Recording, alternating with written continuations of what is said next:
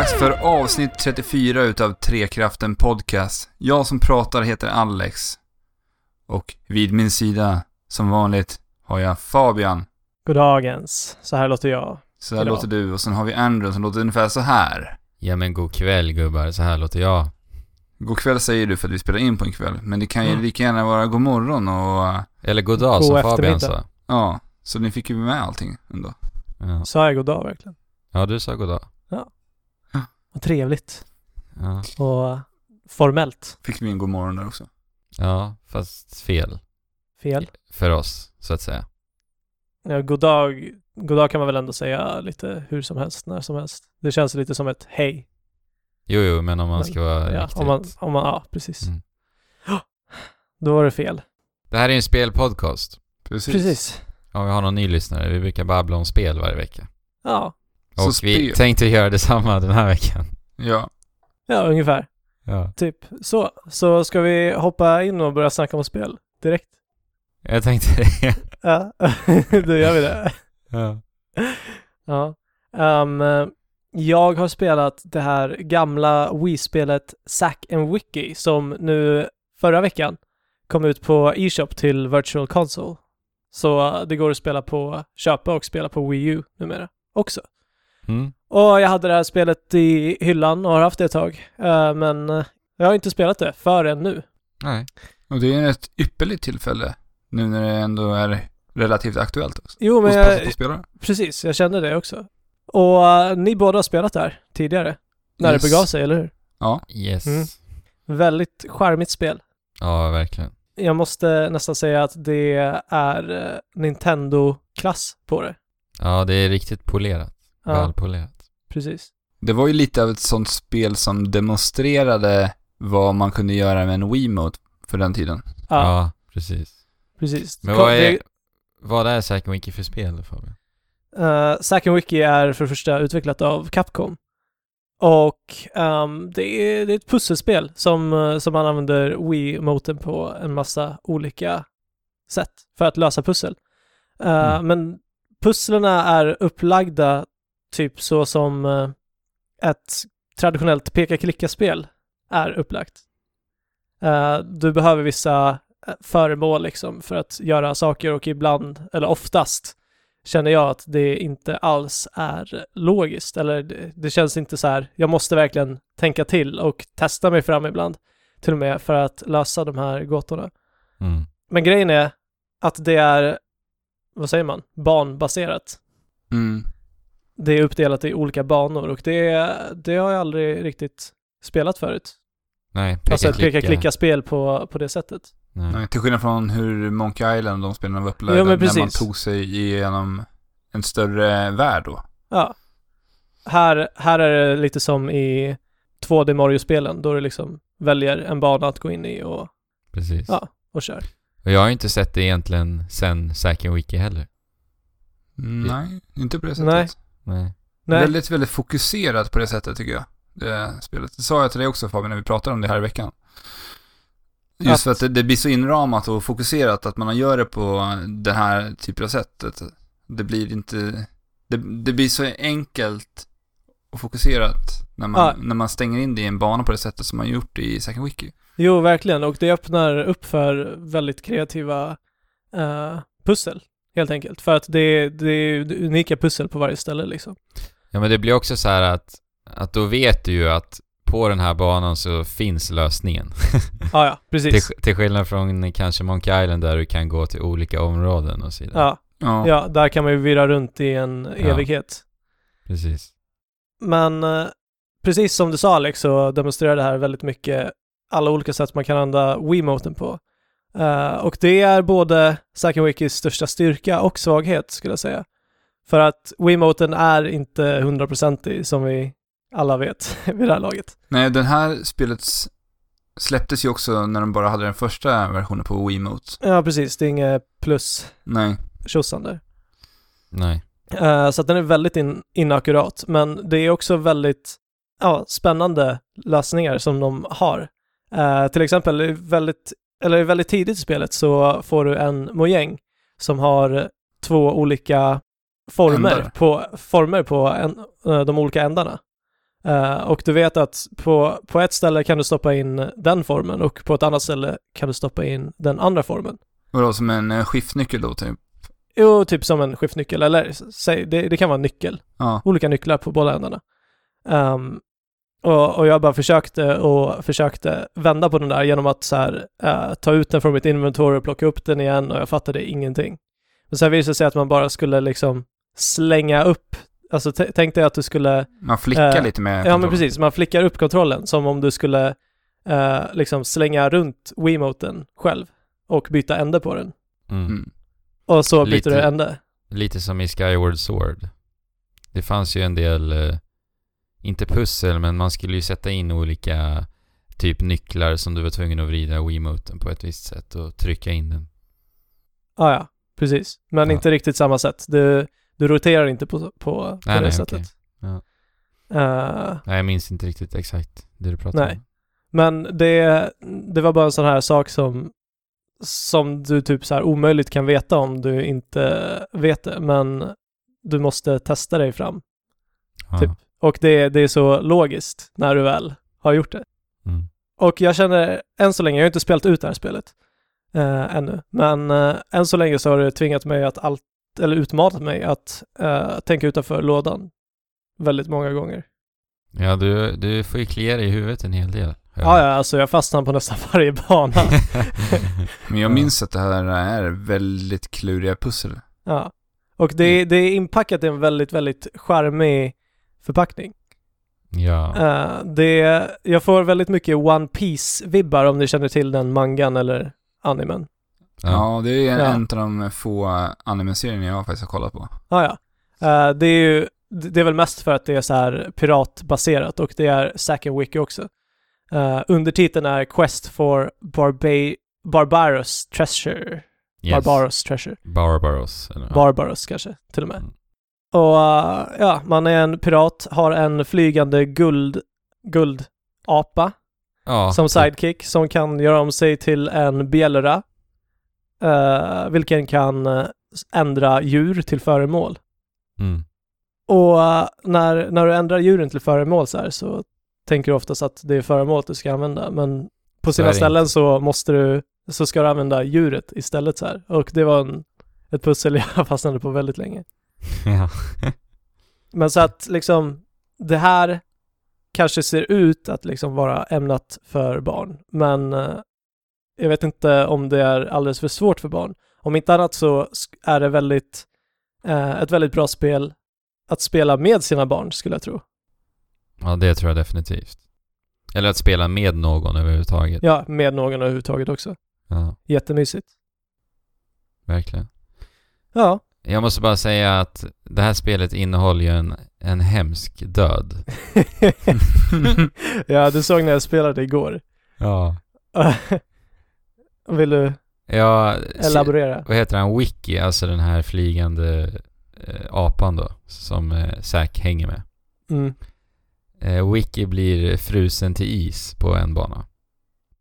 Och sen har du, vad är det, två, tre försök på dig va? Som Zack att rädda honom, kan vi säga kortfattat. Ja, precis. Vid först, om du misslyckas vid, förs- vid första försöket så blir det en liten cutscene, då filmar de in på Wiki. Vad är det han säger? Nej, då, då börjar han jämra sig att det är väldigt, väldigt kallt typ. ja. Och andra gången, vad stod det då? Ja, men ja, jag kommer inte ihåg, men... Jag tror det var då- I can, då- då I det can see a bright light. Nej, det är sista gången. Är det det? nej, nej, det är näst sista gången. Det är, Ja. ja, du har rätt. I can see a bright light och sånt, något sånt där. Och Och så- s- sen, Sen Ja. sista gången, det är det hemska. ja, Nej, vad är Då- det nu? då säger han typ så här eh, trevligt att ha känt dig och så dör han. Ja, I'm, fe- I'm Alltså. feeling sleepy sleepy Ja, typ. just det. It was nice knowing you. Så. Ja. Ja, nej, det- är så hemskt. Jättehemskt. Och han är jättegullig och charmig, så ja. Och då känns det nästan ännu värre. ja. Just för att spelet är så otroligt gulligt. Ja. Jag blev lite förvånad faktiskt. Jo, jag också. Jag sa det. ja, men ja, det... Jag skrattade ju högt när det... Ja. Men eh, du, hur långt har du kommit i spelet Fabian? Eh, tre världar har jag spelat. Jag vet Okej. inte hur många världar det är. Nej, jag minns inte heller riktigt. Men, men jag känner ändå lite att jag förstår det här spelet. Eller fram tills nu så har det varit uh, likadant fast på olika sätt. Ja. Kan det Ja, vara en rekommendation där då? tycker Ja? Ja. Ja, absolut. Jag, jag blev väldigt positivt förvånad. Ni, eh, ni har ju talat väldigt gott om det här, båda Mm. två. Och jag har varit så här, ja, det, är- det är väl ett nice spel liksom. Har litat på er. Men jag blev ändå förvånad när Mm. jag spelade, hur nice det är. För att man, jag kunde inte tänka mig typ vad det var för typ av spel. Nej. Nej, precis. Men vad det är nog någonting, det är nog ett sånt spel som du, om du inte liksom känner att du är sugen på det så måste du testa det för att fatta det. Ja, men jag gillar också. Mycket bra. Mm. Mycket bra. Och Andrew, du har också spelat någonting den här veckan som har gått. Ja, jag har spelat årets första spel för mig. Som har släppts i år då. Ja, precis. Ja. Eh, Oxenfree har jag spelat. Mm. Eh, och det här är då utvecklat utav Nightclub Studio. Och det är en studio ifrån Kalifornien, USA. Och det här är deras eh, för, absolut första spel. Okej. Yes. Eh, och eh, jag spelar på PC, men det finns också till eh, Xbox One och det kommer att släppas till Playstation 4 vid ett senare tillfälle. Men jag tror inte att det är något datum satt faktiskt. Okej. Men eh, det här är en, ja, sidoskrollande äventyrs-thriller med fokus på narrativ skulle jag säga. Mm. Eh, och du är då ett gäng tonåringar som ska ut på Edwards Island, en liten ö. För att festa. Väldigt originellt. Okej. eh, och en av dina vänner då eh, säger åt eh, protagonisten Alex, som du styr då, eh, att ta med sig en radio för han har hört rykten om övernaturliga dåd som verkar vara kopplat till olika radiofrekvenser på ön då. Alright. Och den här radion visar sig sedan då vara någon form av nyckel till eh, alla mysterier som eh, sedan kickar igång på den här ön. Eh, och i spelmekanikväg så får du eh, tre olika dialogval under konversationer som sker samtidigt som du traskar omkring på ön och försöker reda ut alla mysterier som sker. Och då är det lite som i, i Telltale-spelen då, eller? Ja men typ. Fast det sker ju i realtid hela tiden samtidigt som du går. Så att säga. Ja, ja, okej. Ja. Och du kan väl också välja att inte svara på det? Ja, precis. Och då får man ofta härliga kommentarer om att man är en eh, tyst, eh, tråkig... Okej. Det är ganska kul. Eh, men sen annars är det också att du interagerar med enkla knapptryck på olika objekt. Och sen självklart då så ställer man in olika radiofrekvenser med den här radion genom att dra högra spaken till höger och vänster. Det är egentligen det man gör i spelmekaniksväg. Mhm. Men som sagt, fokuset ligger ju på narrativet. Mm. Och jag måste bara säga vilken överraskning det här har varit för mig alltså. Eh, för jag menar när det kommer till eh, underhållningsformer för mig så är ju, eh, som spel och film då. Då är ju mystik någonting som jag ofta uppskattar väldigt mycket. Mm. För det är ofta, eller nästan alltid sådana upplevelser som verkligen blir minnesvärda för mig. Ja. Det är just det här ovetandet och att hela tiden sätta igång fantasin för att nästan själv försöka nysta upp vad som händer under spelet eller filmens gång. Jo men verkligen, jag håller med dig. Ja, och, ja, och just att du aldrig vet vad som gömmer dig runt hörnet. Du kanske fruktar vad som gömmer, dig, gömmer sig runt nästa, men ändå Ja. ser man på något sätt hoppfull om vad som kommer liksom. Ja, precis. Och Ja. bland det värsta jag vet är ju förutsägbarhet. Ja, Så, precis. Så, hur- så hur ligger det till med det i det här spelet då? Ja, men det är det här som blir en anledning till att, att spela och att vilja spela eh, vidare. I Mm. just fallet Oxenfree. Mm. Eh, för, för jag började ju spela det här spelet utan någon, någon som helst vetskap om det. Eh, allt kom ju verkligen som en överraskning för mig. Och jag vet inte, undrar om det inte kanske har bidragit lite till min upplevelse. Jag ska försöka att inte säga för mycket nu när jag pratar om det här spelet. Nej, för det är väl ett sånt spel som man... Ja, ska hålla väldigt... Ja, man ska absolut inte säga för mycket. För på Nej. ytan, på ytan så är det här spelet väldigt fint. Eh, karaktärsdesignen är lite lik den i Broken Age. Om man vet vad det är för spel. Eh, och omgivningarna känns lite som målningar som du, som du rör dig omkring i. Väldigt, väldigt fint. För Fabian, du eh, tittade ju lite när jag spelade. Du fastnar väldigt mycket för estetiken också. ja, alltså jag, jag tycker det ser ut som att man har ehm, utgått ifrån typ så här barnboksillustrationer, väldigt så här minimalistiska eh, Mm. avbildningar av saker i, i just bakgrunden och omgivningarna. Ja, jo. Ja, det är riktigt snyggt faktiskt. Mm. Jag frågade det här förra veckan, Andrew. Mm. Det här ska ju, är ju lite av ett skräckspel. Ja, Och jag har ju haft en, eh, en önskan väldigt länge att vilja se ett 2D, sp- 2D-skräckspel. ja. Och jag frågade dig då om, du, om det funkar och då pratade du väldigt mycket om ljudet Ja, i det här spelet. ja det är riktigt, riktigt bra. Det är egentligen där, alltså i ljudet, all eh, skräck om man säger, ligger. Skulle jag säga. Ja, för jag tänker det, det är ju väldigt svårt att rent grafiskt göra ett skräckspel när det är då i bara två dimensioner. Jo, precis. För bakom allt det här fina estetiska eh, så rör ju sig alla de här övernaturliga dåden hela tiden. Mm. Mm. Och jag tycker att den här kontrasten verkligen tillför till liksom en överhängande kuslig stämning nästan. Mm. För att, eh, ja som sagt jag vill inte säga för mycket.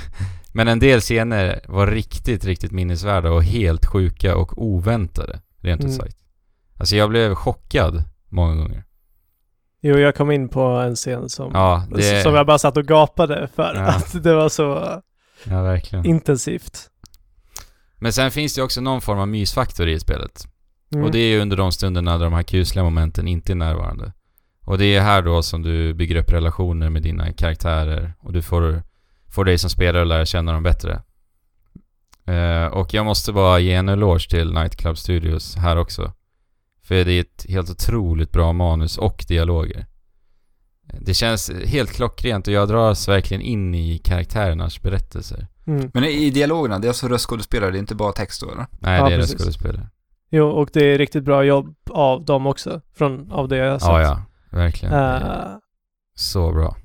det känns verkligen autentiskt. Men du, Ja, du nämnde nu lite här i förbifarten att man bygger relationer och sånt.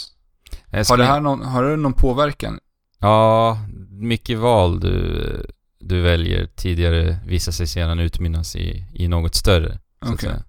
Och det är väldigt snyggt också. Att saker som bara nämns i förbifarten sedan visar sig eh, ja, utmynnas till något större. Mm. Och jag tycker att dialogvalen visar sig, alltså nio gånger av tio uttalas på nästan exakt sådana vis jag själv skulle uttala dem. Ja. Och det blev jag också väldigt förvånad över. Men det antar jag är väldigt individuellt självklart.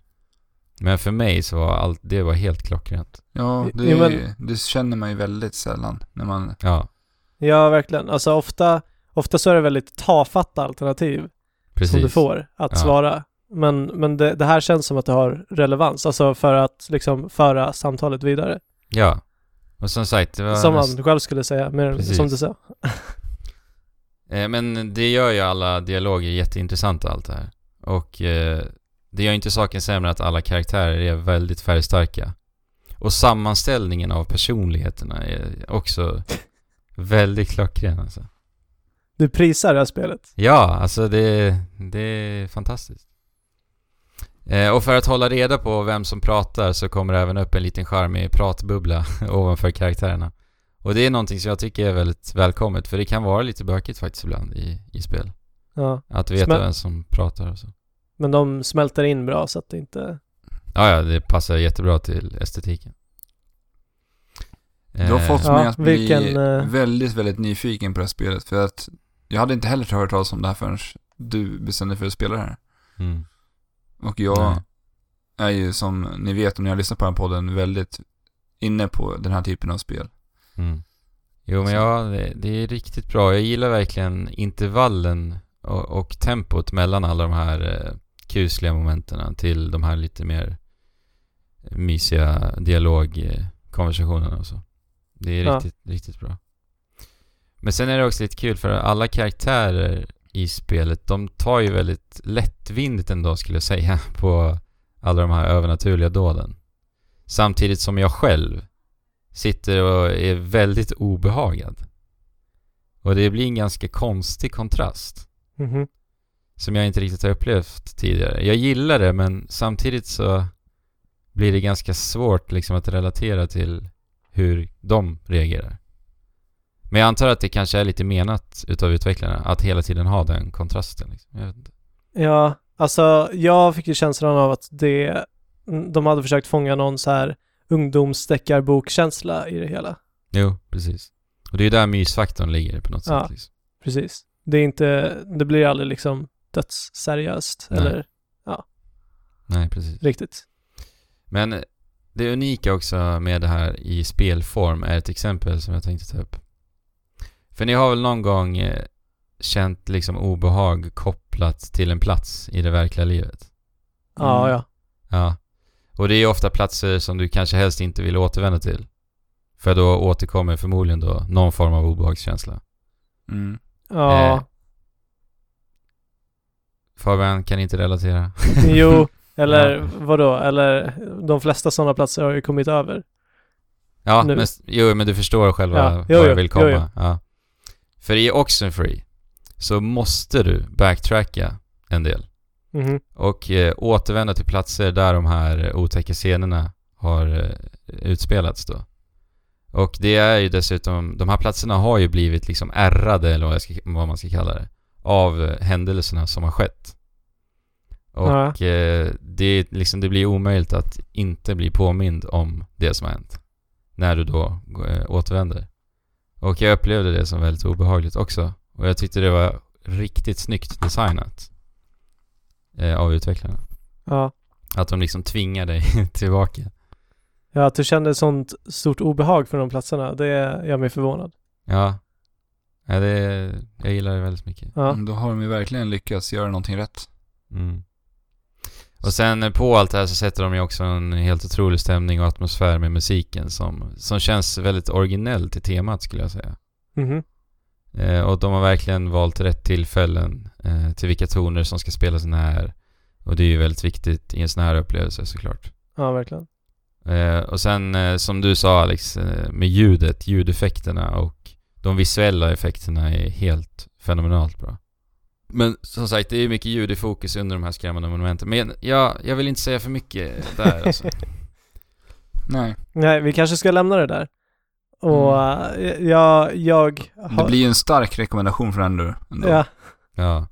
Men det finns också många snygga underliggande budskap. Det känns eh, lite som, att, som en skildring av livet skulle jag säga. oj, Det här spelet. det är stort. Ja. Mycket om rädsla, öde och hopp och så vidare. Och jag, men det, de här eh, Nightclub Studios känns verkligen kompetenta och jag kommer absolut hålla ett öga på dem framöver. Det här är ju ett spel jag skulle vilja ha liksom en spoilercast på. Ja, men eh, hur många timmar tog det att ta sig igenom? Eh, typ tre fyra ungefär. Jag skulle faktiskt rekommendera att spela det i en sittning. Mm. Om man har den tiden. Mm. Vi kanske kan se till att få skaffa en spoilercast till det här. Ja. Och alla, eh, när alla har spelat det. Mm. Vi Ja, får det inte kän- lova för mycket bara. Nej. Nej. Men eventuellt. Det känns originellt, otroligt mi- minnesvärt och eh, ja, en stark rekommendation. Det är ett spel som, som lever kvar i tankarna efter att eh, man har spelat det. Ja. Bra start på 2016. Mm. Och i, Starkt. i förra veckan så sa vi att du Fabian skulle ta och spela Journey. Jo, precis. Eh, på tal om det här om konst i spel. Ja. Och That Game Company var ju lite de som tog upp den här diskussionen med sitt första spel Cloud, eller vad det heter. Flower. Nej, innan det gjorde de ett annat ah, spel. okej. Eh, men Flower, ja, det, det var deras andra projekt helt enkelt. Och Journey är ju deras senaste projekt. Släpptes ju ganska, relativt nyligen till Playstation 4. Ja, precis. Men det har funnits ut en herrans lång tid. Ja, det är ett par Ja. år nu. Jag och Andrew spelade tillsammans när det begav sig då. Det är ju Ja, ja. två, tre år sedan där. Och nu har du ja, också tagit dig igenom. Det är mer va? Är det så länge? Ja, länge jo, det är längre än så alltså. Herregud. Jag, jag, jag har ju verkligen haft det här över mig som, som någonting jag verkligen vill spela. Men som jag liksom aldrig haft tillfälle att spela eller liksom... Ja, jag, jag vet inte. Ni, ni vet en sån här, en sak som du verkligen vill men som du vill hitta det perfekta tillfället till att göra men så, så blir det ändå aldrig av. Mm. Ja, Jo, det har varit en sån grej. Är det Ja. så Oxenfree kommer bli för dig framöver? Ja, möjligtvis. Jag vet inte. Men. Journey har jag alltid sett som ett spel som skulle passa dig alldeles perfekt. Det passade mig alldeles perfekt. Uh, jag, jag hade ju glömt det mesta som jag visste om det när jag spelade där, vilket jag såg som en väldigt stor fördel. Um, så att liksom, jag vet inte, om, uh, om, ni hade, om ni är som mig och inte har spelat det här än, men ändå vill spela det, så kanske ni ska spola fram en bit. Alltså det här är ju typ en, vad ska man säga, ambient, artistisk eller, eller estetisk plattformare, Ja. Mm. kan man väl säga. Ja. atmosfärisk. Ehm, det börjar med att man finner sig klädd i en skrud i öknen och långt borta i horisonten så tornar det upp sig ett berg med en ljuspunkt i mitten. Och ja, det är det enda du vet. Och där är du lämnad i öknen. Så att din starka instinkt är ju att jag måste ta mig till det där berget. Och då, tar, då går man liksom igenom gamla lämningar av eh, byggnader som, som ligger kringströdda. Och i farten räddar man en massa tygbitar som flyger, flyger omkring och eh, ger dig kraft för att kunna hoppa och sedermera också flyga. Mm. Men det här spelet, det, det finns inga dialoger överhuvudtaget och det berättas bara i bilder. Vilket, ja, jag, jag älskar ju sånt. När, när de bara uttrycker sig med bild och musik. Ja, det är riktigt snyggt faktiskt. Ja. I just det här spelet också. Och musiken är så fantastisk i det här spelet. Det, det är verkligen ja, atmosfäriskt Mm. eh, och passar alltid till miljöerna. Alltså det är, det, det känns rörligt liksom, som att det, det påverkas av vad du gör och vad som händer på skärmen hela tiden. Mm. Det är liksom aldrig några loopar utan det är, det är alltid stråkar liksom i förgrunden som alltid kompletteras eh, och färgas av andra instrument beroende på vad som händer liksom. Mm. Och jag kollade upp den här kompositören. Han heter Austin Wintory. Känner du till honom? Nej, faktiskt inte. Han gjorde också musiken till Flow som var uh, That Game Companys föregående spel. Men han gjorde också spelen i Assassin's Creed, Syn- äh, musiken i Assassin's, Creed Syndicate. Jaha. Eh, och också ett annat spel som jag spelar för närvarande, vilket är The Banner Saga. Jaså? Mm. Vad, eh, vad ska vi säga? Alltså, Vad tyckte du om Journey? vad jag tyckte om Journey. Ja. Det- Om, om jag säger så här då, vad tyckte du var det bästa med Journey? det, var nästan, det är nästan svårare för att det är hela upplevelsen i sig som är hela, Ja, Jag har ju en sån sak jag tycker är det absolut bästa med Journey. vad är det då? Och det är just den här grejen att man eh, spelar med en annan person Ja, som man inte vet vem det är. precis. Och så, man kan liksom märka på rörelsemönstren när, för att man tar, när man tar sig igenom den här världen så kan man liksom stöta på nya då medspelare. Men man vet inte riktigt när de, när det skiftar heller. Nej, Nej, det är så Alltså, snyggt. det, Och, och det, där kan man ju verkligen märka när man, om man tittar på rörelsemönster på hur den personen spelar, så kan man ju se det hur den beter sig ute på fältet. För det kollade jag väldigt mycket efter. Jag såg så här, men nu är det inte den personen för att vissa vill ju verkligen så röra sig. Framåt jättesnabbt och vissa vill liksom ta in upplevelsen och så. Ja, precis. Ja. Och det där tyckte jag ju var jättehäftigt. Jo, Ja. verkligen. Alltså jag hade ju helt, jag visste ju det här eh, i bakhuvudet, men jag hade helt och hållet glömt bort det. Och helt plötsligt så kommer en annan som ser precis likadan ut som mig. Och jag bara, eh, oj, vad coolt. Eh, och, och den här, den här eh, som jag trodde var en AI, liksom började leda mig. Jag bara, oj, vad, vad sjukt att Och det- och ett du spel sa- liksom Ja, du sa till mig Fabian bara Shit vilken bra AI de har i... Ja, alltså det, det, det kändes som att det var världens bästa AI liksom som så här reagerade på vad jag gjorde. Eh, och, men ändå, alltså de jag spelade med så här väntade på mig när jag gick runt. Jag trodde det var en AI så jag tänkte att det bara var chill och jag kunde gå runt och kolla liksom. Eh, Men de var väldigt snälla, de jag eh, hjäl hjälpte mig med. Eller de som spelade med mig. Trevligt att sätta på lite, Ja, och sen när eftertexterna rullade så, så bara, de, "These- are the players you have met. Jag bara, oh my god, jag, jag, jag sket, vad heter det, tegelstenar. Jo men för att det, det var en som så här, man, man eh, kan ju göra ljud ifrån sig. Som man använder för att, eh, Väldigt fina ljud va? ja, väldigt fina Ja. ljud. Det är Eh, väl bara en knapp man har för att någon gör, kunna kommunicera med. ja, Om jag precis. inte minns fel. Och, och det, det är också rörligt. Baserat på vart musiken är så är den tonen, så går den tonen ihop med musiken liksom. Eh, Ja, just det. Jättesnyggt. Mm. Och en av de här då som jag trodde var en AI hjälpte mig att hitta en power-up så här. När vi så här sprang från, från någonting så i farten så var, var en power-up så stod den där och så här signalerade till mig. Jag bara åh vad snällt. Men sen, men sen när vi kom eh, vidare så såg jag att ja, eh, en power-up gör så att din scarf blir längre. Eh, Ja. Som då som du samlar den här energin i som, du, som gör att du kan hoppa och flyga. Det här med fashion i spel. Det handlar inte om fashion, utan jag kände bara att det var dåligt och hade missat en power-up. Eh, men Äh. ja, det, det är många... Det är mycket intryck i det här spelet alltså. Jo. Många minnesvärda melodier och, Och vyer. vyer, ja. Precis. Men eh, många har ju gråtit till Journey. Gjorde du det? Jag grät inte till Journey. Nej. Det Gjorde var otroligt vackert. Eh, och jag satt ofta, och jag, och jag kom ofta på mig själv att jag satt med öppen mun.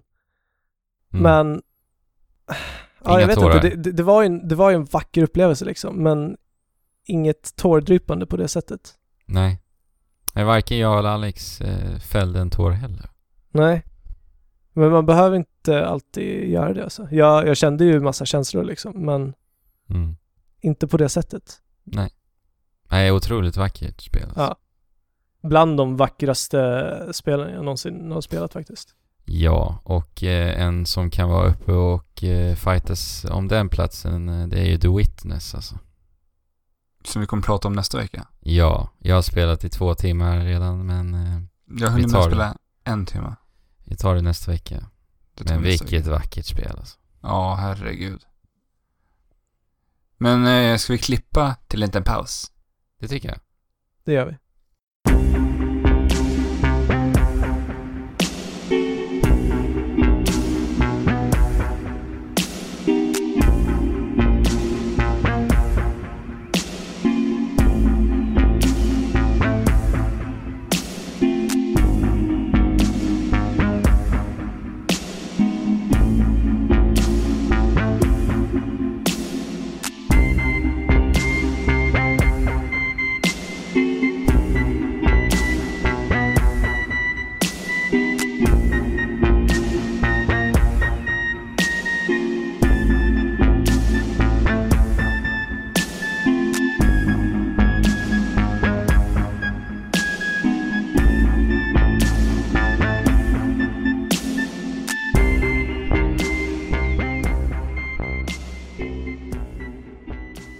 Där var en låt ifrån Oxenfree.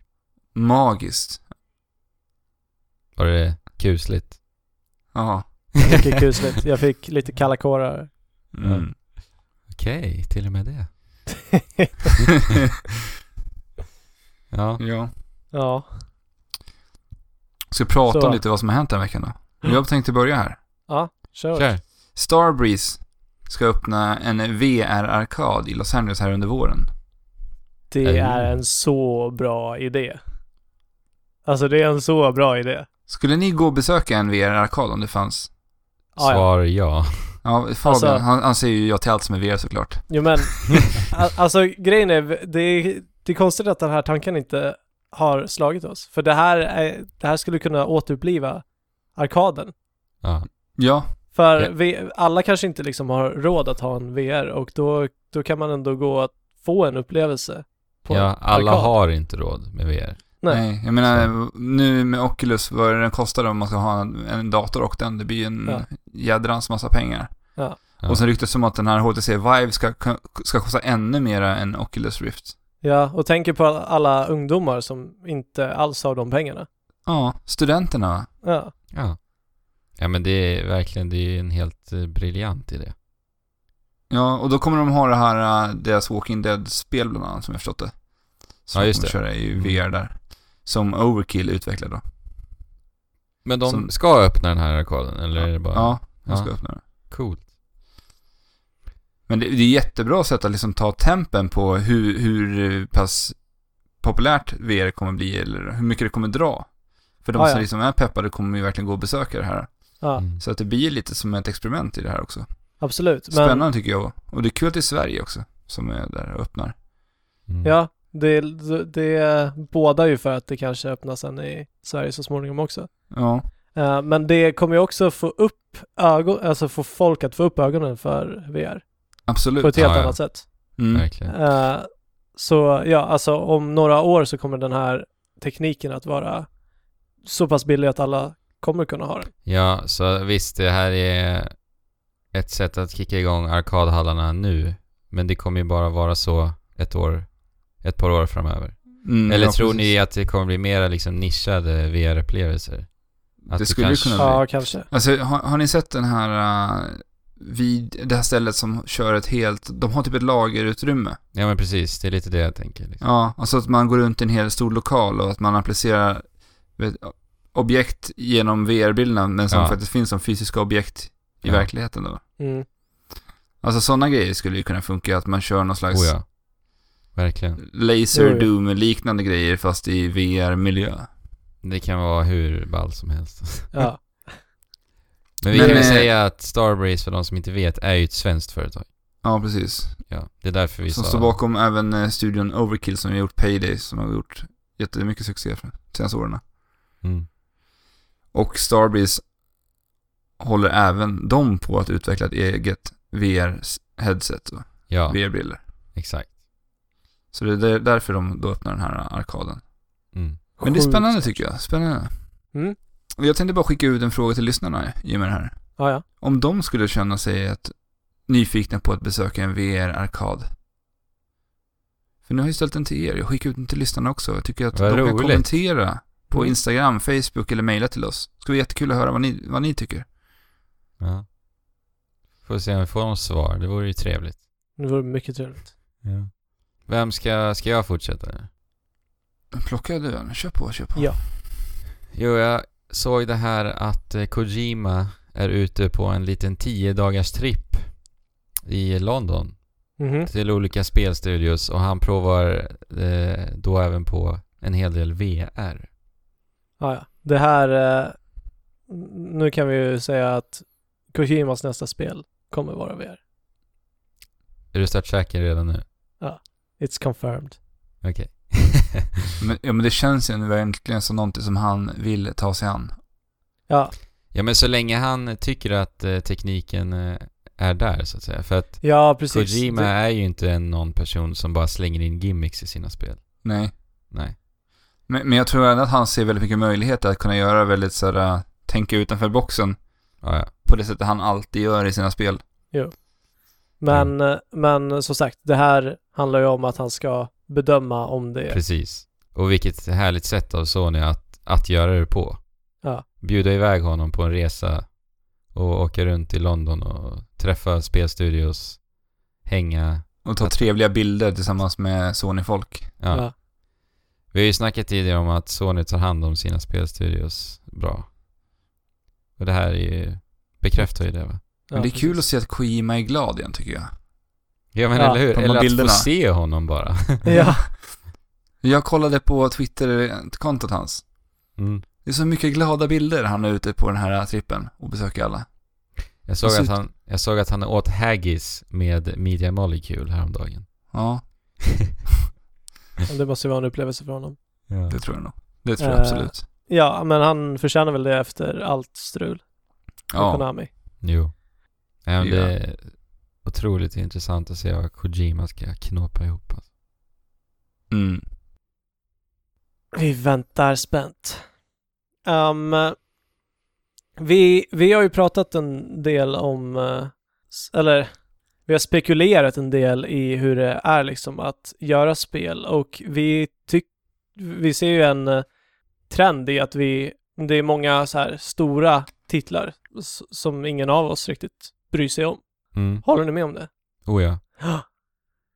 Um, en man vid namn eh, Maxime Baudois Eller något sånt. Det är franska. Min franska är inte riktigt så finslipad. Någonting sånt. Maxime Boudoir. Och han, han har skrivit på sin blogg eh, om sin erfarenhet av att vara, eh, om att utveckla ett stort AAA-spel. Mm. Han, han jobbade, han fick jobb eh, på Ubisoft i eh, Quebec. Mm. Okej. Eh, där i Kanada. Kanada, precis. Eh, och i början av sin karriär så liksom, han, han hade fått sitt drömjobb tyckte han. Eh, att jobba var bättre än att vara på semester. Och det började med att han fick jobba liksom med, i mindre team som gjorde medelmåttiga PSP, pit- eh, PSP-titlar. Mm. Picklar. ja, låter lite fel. Men, och han, han tyckte, han minns de stunderna med värme då han fick liksom på riktigt lära sig yrket och hans kollegor började kännas som en eh, familj. Men alla de ville slutligen börja jobba med ett större spel. Ja. Um, och sen fick han massa liksom större projekt allt eftersom tiden gick. Uh, han och hans team utvecklade bland annat Prince of Persia, The Forgotten Sands till Wii. Ah, okej. Och det, det, det såg de som en liksom väldigt stort steg i rätt riktning. Mm. Men där växte teamet från liksom runt 20 till uppemot 80 personer. Och han kände fortfarande att liksom han har ett band till alla som han jobbade med och han kände igen allas ansikten. Eh, och framför allt så kunde han fortfarande liksom se vad för avtryck han har gjort i spelet i den färdiga produkten. Mm. Sen så fortsatte han med lite mindre projekt här och där mm, med mycket avsevärt mindre team. Då alla kunde liksom ha synpunkter på allt eh, och liksom alla kunde påverka allting istället för att bara eh, göra sin grej. Och det, det gjorde att teamet fick en moral och en entusiasm som, som man inte Ja. hade upplevt förut. Liksom. Mm. Och till slut så blev hans dröm verklighet och han fick vara med i utvecklingen av Assassin's Creed Syndicate. Ja, det är så pass nytt ändå. Mm, precis. Okej. Ja, ja. Eh, men han kände snabbt att det, att jobba på ett storskaligt spel var inte alls likt de erfarenheter han tidigare hade haft av spelutveckling. Eh, och han vittnar om att det liksom, det är därför att det inte är lätt att hålla kommunikationen god när det mestadels sköts via e-mail och mellan tio studios runt om i världen. Eh, och det här spelet var dessutom under utvecklingen varje timme, varje dygn. Eh, så att när en studio gick och la sig så gick en annan upp och tog vid. Man jobbar skift alltså. Ja, precis. Och liksom med, med ett progressivt projekt så det båda ju bara för missar i kommunikationen. Ja, och med, med så många människor involverade så finns det lite utrymme till frihet för att allting måste vara så himla strukturerat. Det förklarar ju Assassin's, Creed bu- Assassin's Creeds buggar. Lite grann. Ja, möjligtvis. Men han säger också liksom att när beslut ska göras, eller Mm. det, det är liksom hundratals beslut som ska göras i veckan. Det, det kom, framkommer inte till alla. Och folk som kanske borde ha konsulterats om de här besluten gör inte det. Vilket i längden skapar ett visst missnöjd, missnöje. Mm. Eh, för i slutändan var det ofta de som skrek högst som fick ta besluten, trots att de inte alltid var bra. Ja, precis. Och han jämför det här med att liksom, med att jobba på ett monteringsband på en bilfabrik eller på, på en industri liksom. Ja, men För att- verkligen. det är ju för- ett maskineri liksom. Ja. Alla, alla gjorde en, en liten, liten sak. Ja. Men, men det är liksom, ingen påverkar Nej. liksom den slutgiltiga produkten. Och det här är han väldigt, blev han väldigt missnöjd med för att han trycker väldigt mycket på att man ska se sitt avtryck i produkten och att man ska känna en viss äganderätt av produkten för att man ska, Ja, man vill väl det. ja, Ja. jo men alltså annars vad, vad finns det för, Ja, för mening med att ge sig in på ett kreativt projekt? precis. Jag menar, ja, enligt honom så är den optimala storleken på ett team mellan fem till sex personer. För, Ja. då, för då blir det inte, för då kan det fortfarande hållas personligt och alla kan prata med alla och liksom man kan eh, ha möten eh, och liksom få alla synpunkter och så vidare. Och alla kommer få den här känslan av äganderätt. Mm. Och det, det är verkligen inte konstigt och det, jag, jag känner det verkligen i spelen. Ja men I, verkligen, med. i, i de här stora spelen. Eh, för alltså, det, det väcker verkligen frågan i mig om, om jag skulle vilja jobba på det sättet. För att någonstans har jag alltid jag drömt om att utveckla spel på ett eller annat Mm. sätt. Ja, men det fantastiska idag är ju att det faktiskt går att ha de här mindre studioserna. Men, ja, får- för alltså tänk, tänk dig att, att skriva en bok med hundratals personer. Mm. Det, det skulle liksom inte gå. Eller, Nej. Jobba eller- skift på en bok. ja eller hur? Jättekonstigt ju. Mm. Ja, eller du Andrew som, som vill skriva musik. Mm. Bara får utrymme att sätta dit en enstaka ton här och där. Ja usch. Ja, det, det, det skulle liksom inte. Nej. Så, så ja. Nej men så är det ju. Det är ett maskineri helt enkelt. Ja, och det, Ja. det, det är lite det jag har misstänkt Ja. när, när det handlar om så här storskaliga spel. Och nu Jo, pratar vi om... just med Assassin's Creed som då också har släppts i sina årliga utgåvor också. Ja, Ja men exakt, det är ju tidspressen också. Ja, För jag menar, Assassin's Creed-spelen är ju oftast väldigt, väldigt snygga när de väl släpps. De ser Mm. väldigt bra ut. Och Jo men de, menar- har, de kör ju... Vad jag förstår det som så... Så skapar ju de en... eh, En spelmotor för Assassin's Creed-spelen. Som de Mm. återanvänder eh, till alla spelen. Mm. Det är det som de gör nu om de nu tar det här uppehållsåret som vi har pratat om. mm. Mm. Att de ska reboota hela spelmotorn till eh, nästkommande Assassin's Creed-spel.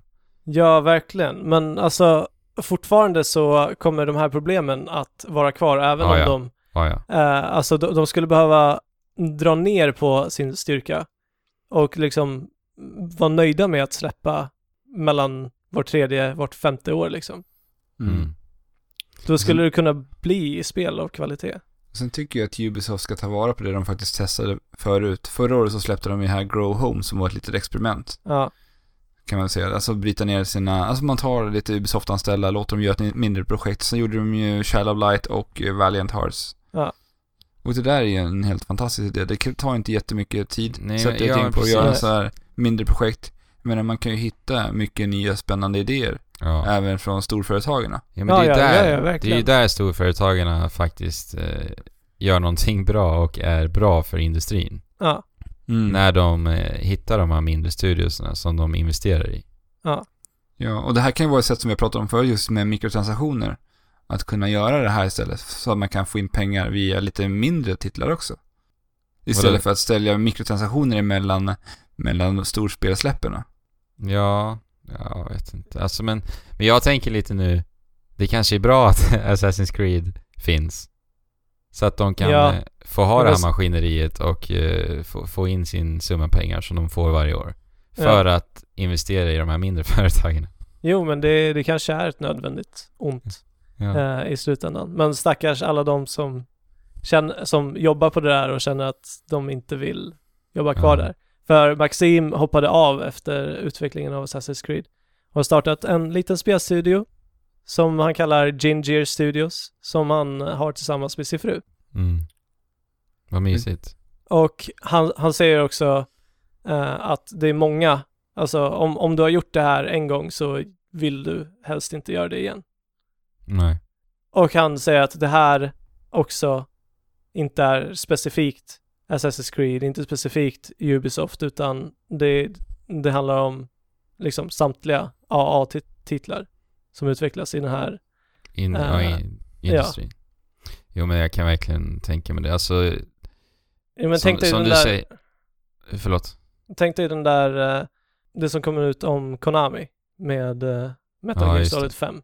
Just Det var ju under slavlika förhållanden de jobbade. Jo.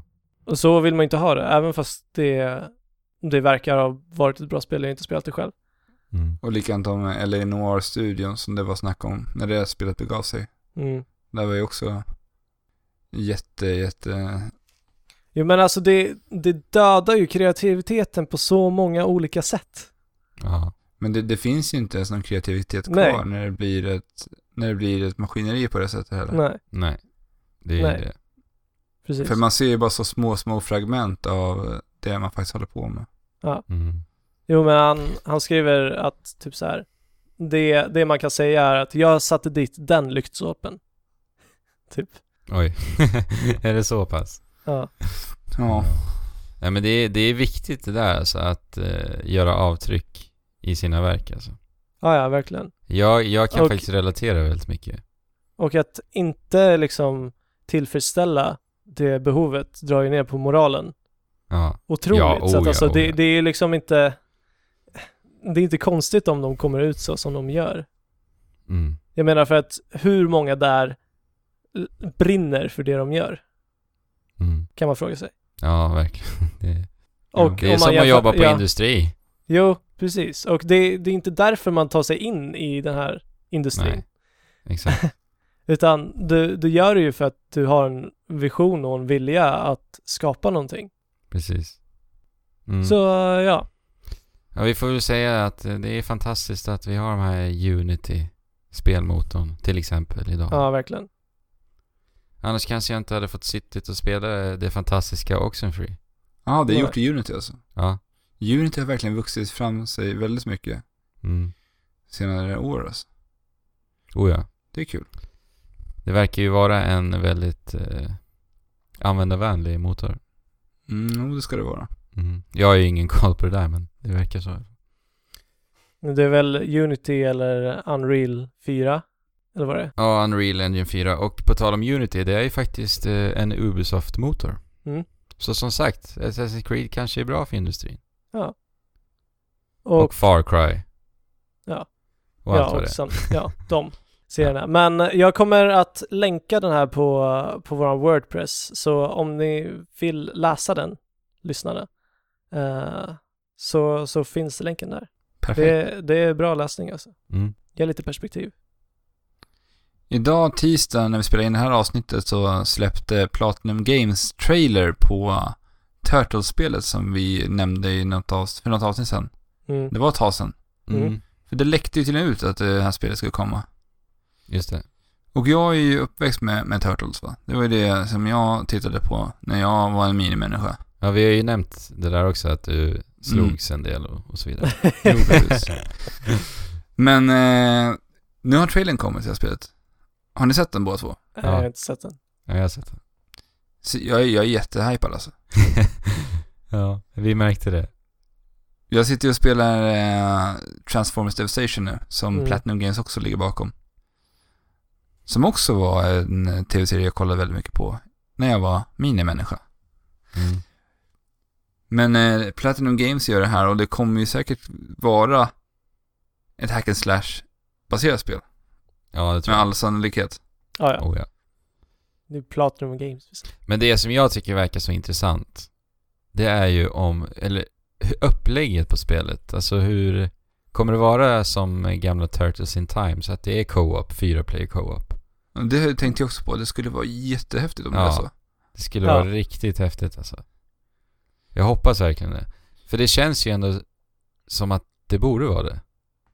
Ja, faktiskt. Så jag undrar lite om de kanske har något form av tag-system så att du kan välja karaktär snabbt. Jag vet inte annars. Mm. Men Men tror du det skulle kunna funka att liksom köra, att man har en låst kamera, men att man kör hack and slash gameplay fortfarande? För annars så ja, det tror jag. följer kameran med alltid bakom karaktären, liksom i Mm. till exempel Bayonetta eller andra Devil May Cry och sånt, att kameran följer med bakom en.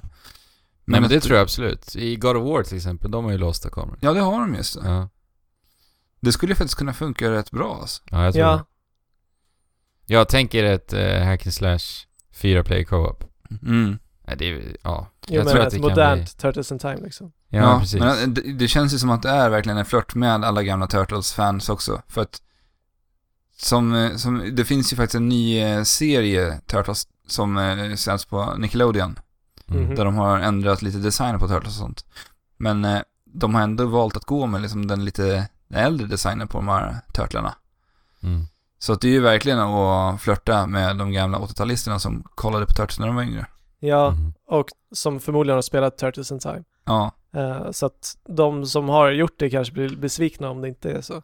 Nej, vi fick ju en eh, kommentar på Instagram också från det här, just gällande det här att Turtles in Time eh, förväntningarna. Mm. Alltså man, man hoppas på att det ska kunna bli ett bättre Turtles-spel än det spelet. Ja.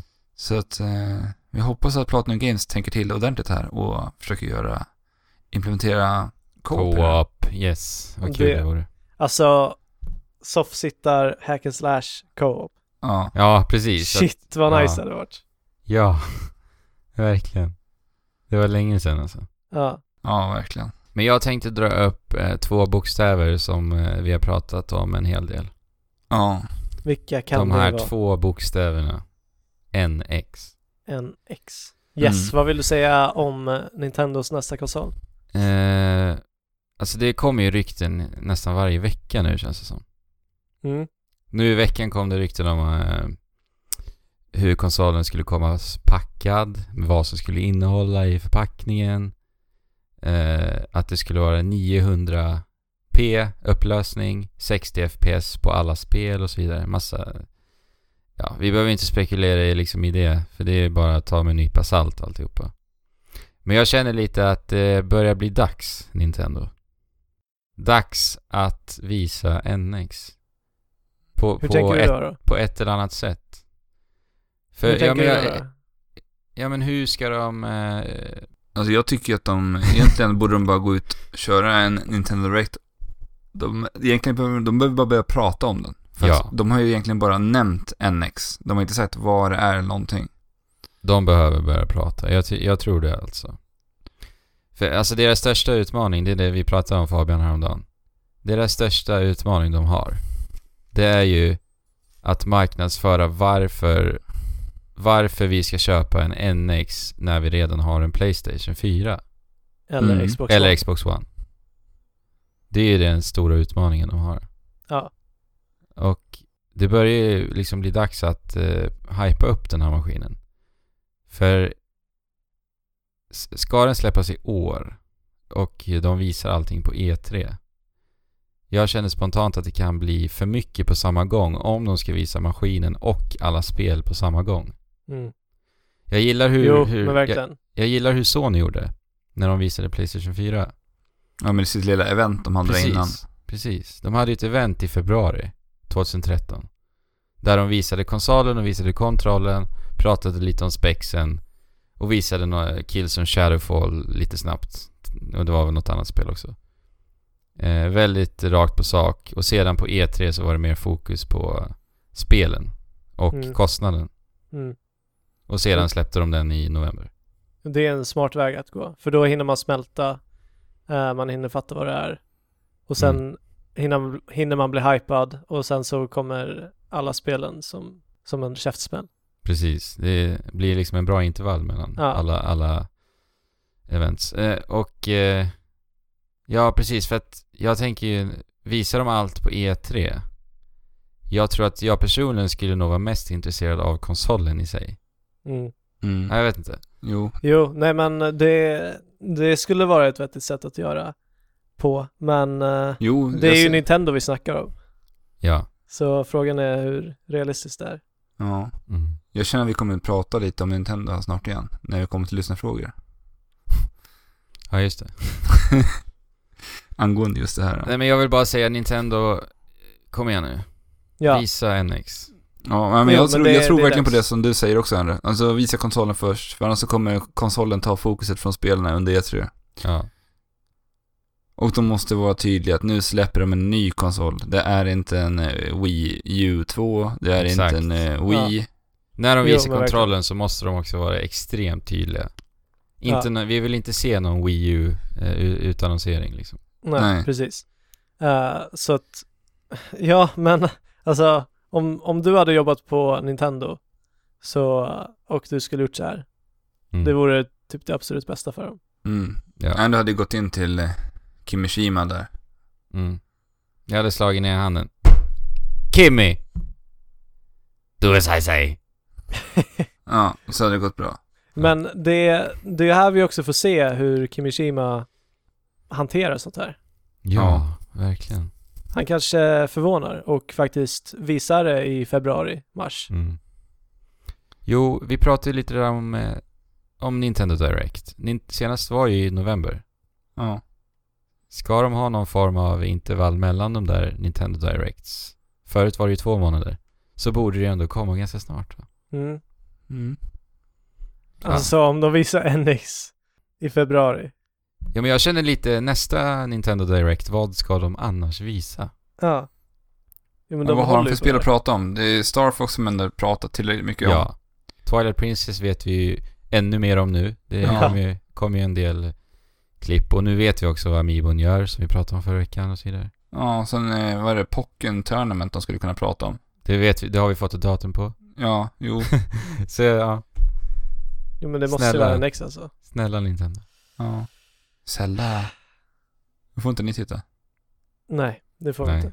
Men vi, vi sätter händerna mot varandra i bön. Mm. Ja. Ska vi hoppa till veckans lyssnarfrågor? Yes. Låt oss. Vi har ju fått en fråga från käre Thomas Moonfest. Ja, har du märkt att han numrerar sina frågor? Det här är hans elfte fråga. Ja, det är ju Ja. fantastiskt. ja. Och det var det här jag menade på att vi skulle kanske komma tillbaka till Nintendo sen. Vi får se. ja. Ja. Han frågar så här alltså. Vilken spelutvecklare eller spelregissör har ni varit mest bitter och besviken på? Hur har det påverkat er? Hur har det påverkat oss? ja. Oj. ja. Alltså jag har ju tänkt på det jättemycket. Ja. Vi satt, jag satt och sa det här innan vi började spela in. Frågade Andrew. Mm. Och du nämner, du säger Nintendo på det här. Ja. Det är det enda du kommer på. Det är det enda jag kom på på rak eh, arm så här, ja. Ja. Och det är väl lite där jag, där jag känner också. Ja. Jag, jag kommer bara att tänka på det här E3-avsnittet vi gjorde. Ja. Det var nog vårt andra avsnitt va? Ja, det kan det Ja. ha varit. Ja. Lyssnar man på det, då kan då förstår Moonfest svaret. Ja. Nej men alltså jag, jag, jag minns ju så himla väl när vi pratade om det här eh, Animal Crossing Amiibo Festival. Ja. Och de ljuden ah, du Alex gör ifrån dig där är helt fantastiska.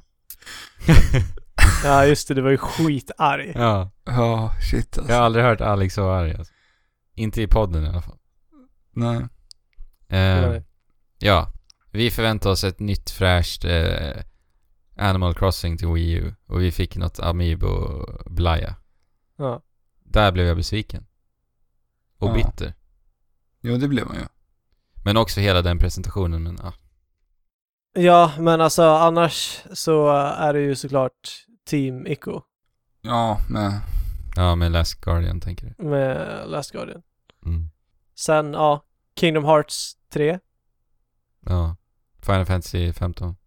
Final Fantasy 15. Det, är- det, är- det är verkligen eh, alla tre spel som, som jag sen, sen det visades eh, bara satt och dreglade över och jag var så, ni vet så här, otroligt barnsligt hypad på det. Mm. Och sen så, sen så får jag inte det förrän nu. Ja men precis. Det är en sak att försena spel. Det är ju oftast, ser jag no- som någonting bra. Men att göra det på det här sättet, som Square Enix gör. Ja, Det Och är ju bara... Fumito Ueda och Ja, för mitt Ueda. Man Så- vill ju, det, är nästan så att man vill ha en förklaring liksom, till varför. Jo men alltså ma, man är nästan, man känner sig nästan skyldig en personlig, Ja. vad heter det, förlåtelse. Mm. Väldigt aktuellt också med Mighty Number 9. Eh, det har ju blivit försenat igen. Ja, ja just det. jag tycker för att det var rätt passande för oss. För det kommer rätt mycket spel den Ja. veckan. Precis. Men, tänk er de som, som känner som Fabian förklara om sina spel. Ja. Som också har backat det här spelet på Kickstarter. Mm. Ja. Där, kom, där blir ju det kravet ytterligare. Jo men jag, jag kan inte riktigt greppa vad det är som ska vara så svårt i den här utvecklingen. Nej. Det är hur många andra studios som helst som har gjort liknande spel utan att stöta på de här motgångarna. Men varför stöter de här på de här motgångarna som har Mm. utvecklat spel väldigt länge? Jag begriper inte det heller. Det komiska med den här förseningen är också att de säger att det har med online-funktionen att göra. Och online-funktionerna var också ett stretch goal i Kickstarter-kampanjen. Mhm. Så hade vi inte pungat in pengar i spelet så hade vi haft spelet redan. Eller? Alltså varför gör de inte bara något sånt att de släpper spelet då och sen så kommer online mode i efterhand? I Ja, precis som de gör med Street Fighter 5 nu. Har Ja. ni hörde om den nyheten Ja. eller? Ja, Att de släpper ju spelet i februari, men de kommer med ett storyläge som de släpper senare i år. ja just det. Ja, Jag tycker det är jättebra idé, för det är bra att få ut, för de flesta som vill spela Street Fighter vill ha multiplayer liksom. ja. Och de som vill spela Mighty Number 9, de vill inte ha multiplayer, de vill ha single player-läget liksom. Ja, precis. Ja, här får man tänka till. Men hur har Ja. det här påverkat oss då? Ja men det är. Ja, det där Animal Crossing utannonseringen, det gjorde ju mig förbannad och bitter Ja, och, och- arg. Och det gjorde ju också att vi fick eh, våran sämsta iTunes-recension. Ja, det har ju påverkat oss. ja. Ja, Ja, vi fick en tvåa då, tack vare mig. Ja, Så det var ju inte så bra. tyvärr. Ja.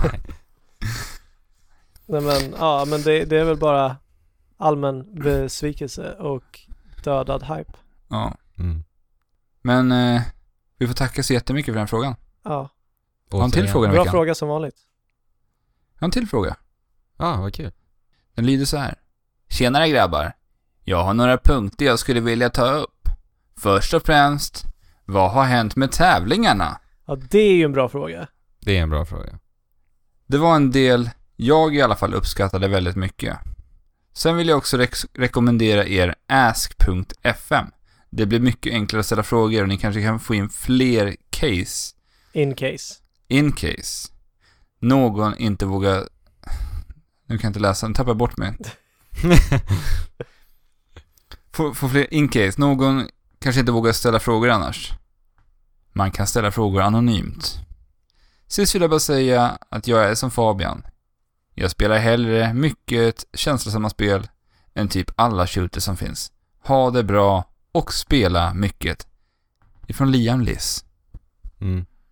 Ja. Tävlingarna gubbar. Ja. Jag säger så här, jag har haft det rätt fullt upp det här året. Det är just därför jag inte har kunnat förbereda tävlingar. Och just i och med det här nya nyhets, nyhetssegmentet som vi har så kräver det att vi gör lite mer researcharbete. Men inför de, de, den, den nyhetssegmentet så måste vi läsa på lite där också. Ja, precis. Alltså tävlingarna, jag, jag gillade tävlingarna och om vi får tid att ta upp det så, så, så skulle jag vilja göra det. Men det är ju så tidskrävande Mm. att komma på en ny originell tävling Till varje vecka. till varje vecka. Ja. Eh, men om, vi- vi, kan väl säga så här, om lyssnarna hellre vill ha tävlingar än det här nyhets, nyhetssegmentet så kanske vi kan runda eller varva med tävlingar och liksom ja, eller om de vill ha någon specifik form av tävling. mm, Så att vi slipper försöka vara kreativa varje vecka och komma på någonting nytt så att säga. mm, alternativt så. Mm. Eh, För jag Ass- gillar ju personligen också tävlingarna, men det är ju som sagt tiden. ja. Ja. ja. det är jätteroligt med tävlingar. Ja. Alltid så kul att se vad ni kommer på för något spännande. ja. Mm. Och sen säger han om det här med Ask FM. Har ni någon koll på det här eller? Jag har ingen koll på AskFN. Jag har bara sett ofantligt många gånger att folk liksom har sin AskFM-profil, Mm. länkar den. Men det här kanske vi ska kunna kika in på och se ifall det kanske kan Ja, få fler att skriva in eventuellt. alltså det, det ska du inte att ha ett konto där. Nej. Nej. Nej. Så det tycker jag vi kan kolla på i alla fall. Eller vad säger ni? Det, Det, finns vi ju även på Twitter också. Ja, det gör vi ja. Ja, det gör vi. Om ni vill Ja. följa. Alltså rent logiskt sett så borde vi heta Trekraften Tweets där typ. Men nu gör vi inte det. Nej, Trekraften podcast. Precis som på Instagram. Ja. Och ja, jag tycker som dig. Så att du tycker som mig. Som Leanis. Nej. Jag tittade bara på det sista segmentet som han hade skrivit i mejlet. Jaha ja. Ja. Ja. Det där var alltså avsnitt 34, mina Mm. herrar. Hur Nu- känns det? Det känns bra. Och jag längtar redan till podden nästa vecka för att prata om The Witness. Jag spelar en timme som sagt. Ja, det Jag- bli... Är väldigt överraskad än så länge. Jag med. Men Oj, oj, oj. säg ingenting alltså. Jag vill inte ens veta att ni är överraskade. Nej. Eh. Jag och Alex tänkte även eh, prata om Rise of the Tomb Raider. Precis. Jag vet att jag har sagt att jag skulle bojkotta det där spelet. Jag har faktiskt en förklaring till varför jag inte gör det nu. Och det var att jag helt och hållet missförstod eh, det där snacket med mikrotransaktionerna. Så det Okej. måste jag erkänna. Mm. Så då vet ni det. Men jag kan ta det nästa vecka också för de som inte gillar eftersnack. Ja. Ja. Nu är eftersnacket över. Yes. Och vi säger hej då! Hej då. Fast först ska vi säga att ni kan besöka oss på trekraftenpodd.wordpress.com Klickar vi till kontakt så har ni alla våra kontaktuppgifter där. Och nu så säger vi hej då. Hej då!